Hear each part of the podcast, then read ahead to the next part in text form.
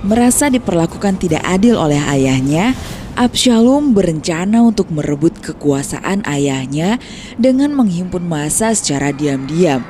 Dan ia pun sudah tidak memperdulikan hubungan dengan ayahnya maupun dengan adiknya. Akulah yang pantas menggantikan ayah menjadi raja, bukan Daud yang masih bocah itu. Suatu ketika, Nabi Daud alaihissalam mendapatkan petunjuk dari Allah untuk merebut kembali tahta kerajaan dari putranya. Kemudian Nabi Daud alaihissalam beserta pasukannya mendatangi Absalom kembali.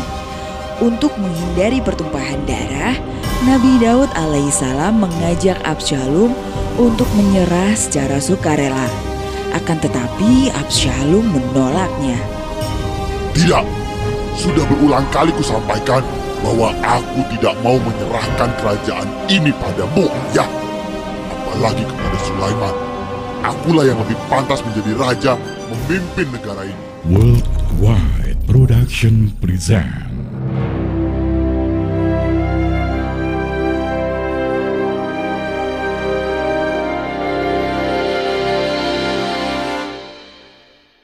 Assalamualaikum warahmatullahi wabarakatuh. Halo adik-adik, apa kabar hari ini? Semoga adik-adik selalu dalam keadaan sehat walafiat serta selalu dalam lindungan Allah ya. Amin. Kali ini Kayaya akan melanjutkan bercerita tentang kisah kerajaan Bani Israel di bawah kepemimpinan Nabi Sulaiman alaihi salam.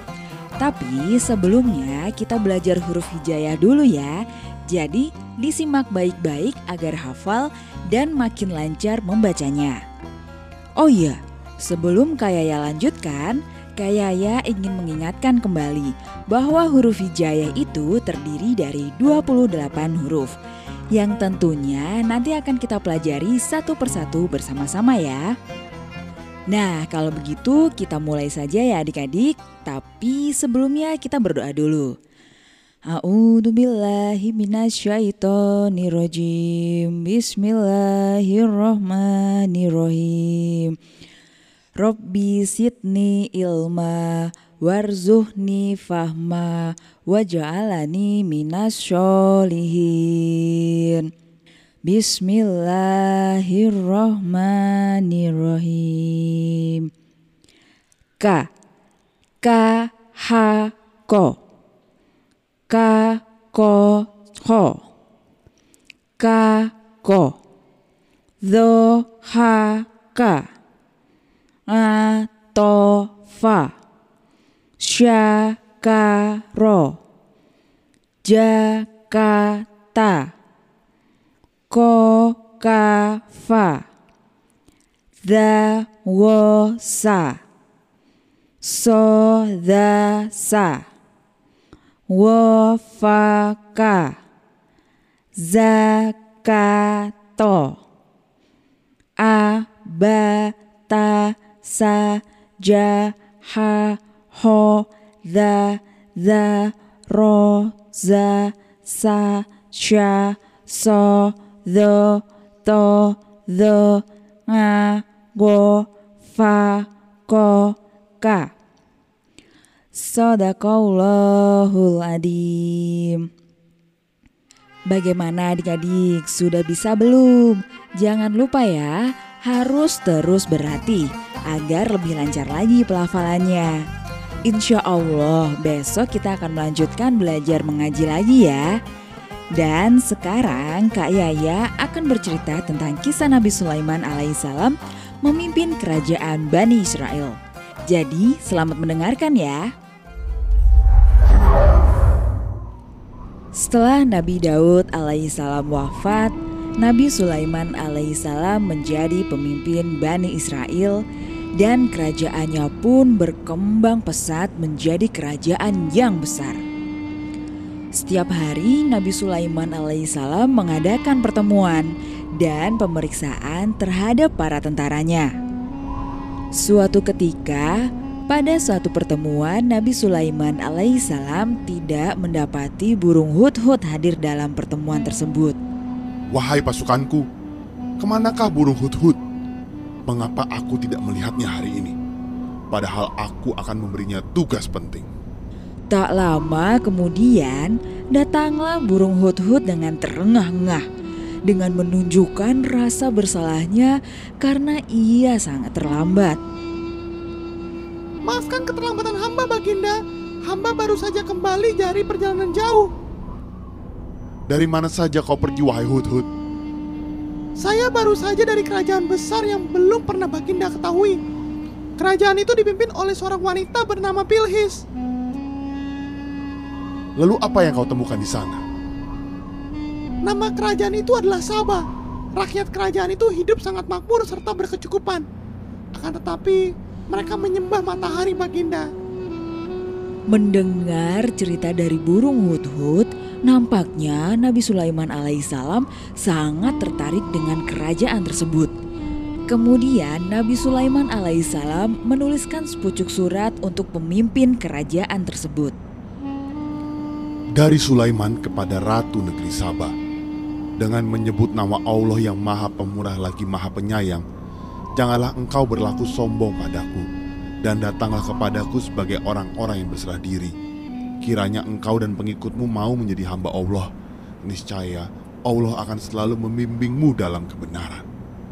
Setelah menulis surat tersebut, Nabi Sulaiman alaihissalam mengutus burung hut-hut untuk mengantarkan suratnya ke negeri Sabah. Dengan cepat, burung hut-hut mengantar surat itu dan sampailah di tangan Ratu Bilqis. Kemudian Ratu Bilqis membaca surat tersebut. Ratu Bilqis sangat kaget setelah membaca isi surat Nabi Sulaiman alaihissalam. Kemudian ia mengumpulkan seluruh penasihat kerajaan dan mendiskusikan tentang sikap yang harus ia ambil. Wahai penasehatku, hendaknya bagaimana aku harus membalas surat dari Raja Sulaiman ini? Apa yang dapat kalian sarankan padaku? Izinkan hamba menyampaikan pendapat yang mulia. Sebaiknya kita datangi kerajaan Raja Sulaiman dan kita sampaikan bahwa negeri yang mulia pimpin adalah negeri yang besar dan kuat. Jadi seharusnya Raja Sulaiman segan dengan yang mulia Baginda Ratu. Benar yang kau sampaikan. Aku akan menuliskan surat balasan kepada Raja Sulaiman. Kemudian Ratu Belkis menuliskan surat balasan untuk Nabi Sulaiman alaihissalam dan menyampaikan apa yang disarankan oleh penasehatnya. Setelah Ratu Bilqis selesai menulis surat, ia langsung memerintahkan utusannya untuk menyampaikan surat tersebut kepada Nabi Sulaiman alaihissalam. Setelah beberapa saat kemudian, sampailah utusan Ratu Bilqis di kerajaan Nabi Sulaiman alaihi salam. Mereka datang sambil membawa banyak sekali hadiah dan mereka pun disambut dengan ramah oleh Nabi Sulaiman beserta bawahannya. Lalu, utusan Ratu Bilqis menyerahkan surat tersebut. Kemudian Nabi Sulaiman membaca surat dari Ratu Bilqis. Setelah membaca surat Ratu Bilqis, Nabi Sulaiman alaihissalam menyuruh para utusan Ratu Bilqis untuk kembali ke kerajaan Sabah.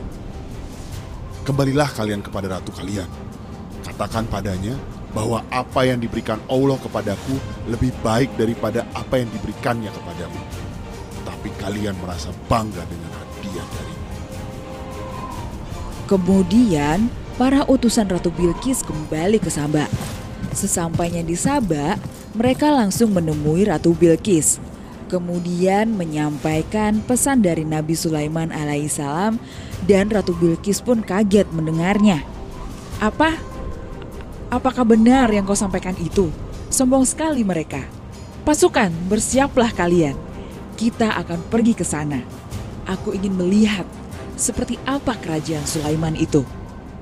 Berita tersebut pun sampai ke telinga Nabi Sulaiman alaihi salam. Lalu Nabi Sulaiman alaihissalam mengumpulkan para tentaranya. Siapa di antara kalian yang sanggup memindahkan singgah sana Sabah dalam waktu sekejap? Saya sanggup Baginda Raja. Sebelum Anda beranjak dari singgasana Anda, singgasana Sabah sudah berpindah di sini. Tak lama dari itu, rombongan Ratu Bilqis pun akhirnya sampai di kerajaan Nabi Sulaiman alaihi salam. Di sana, Nabi Sulaiman alaihissalam sudah mempersiapkan pasukannya untuk memberikan upacara penyambutan. Kemudian, saat Ratu Bilqis dan Nabi Sulaiman sedang berbicara, Nabi Sulaiman alaihissalam menuju ke arah singgasana. Wahai ratu, seperti itukah kerajaan singgasanamu?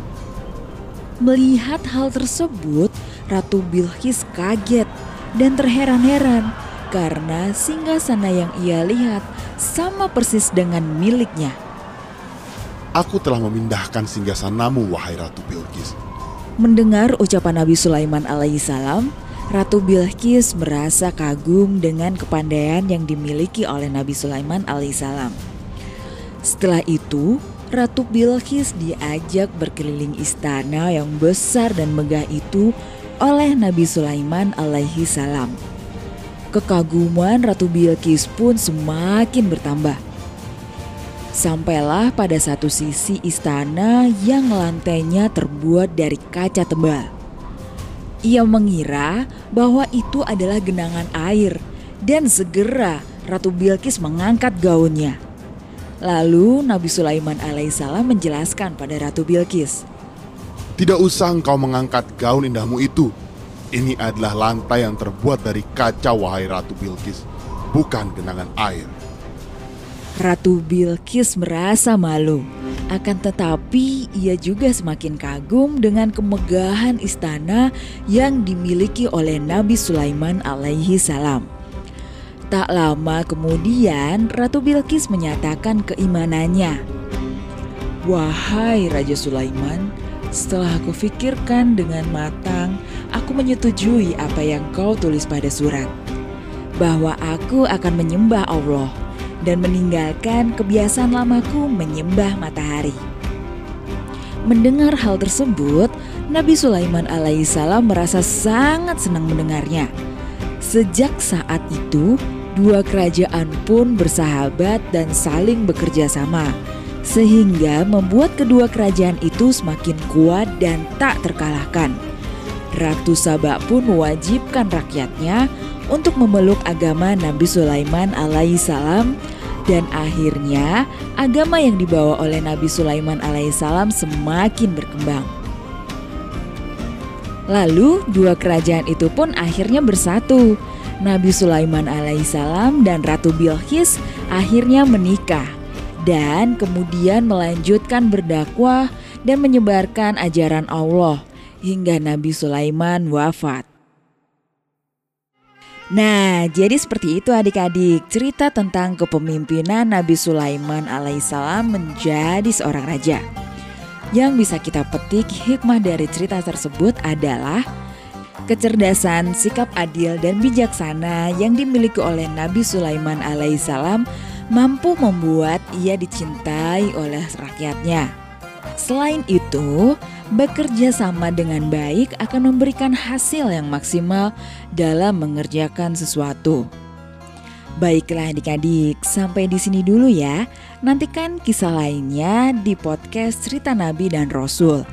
Kayak ya pamit undur diri dulu ya. Insya Allah kita akan bertemu kembali. Dadah. Wassalamualaikum warahmatullahi wabarakatuh.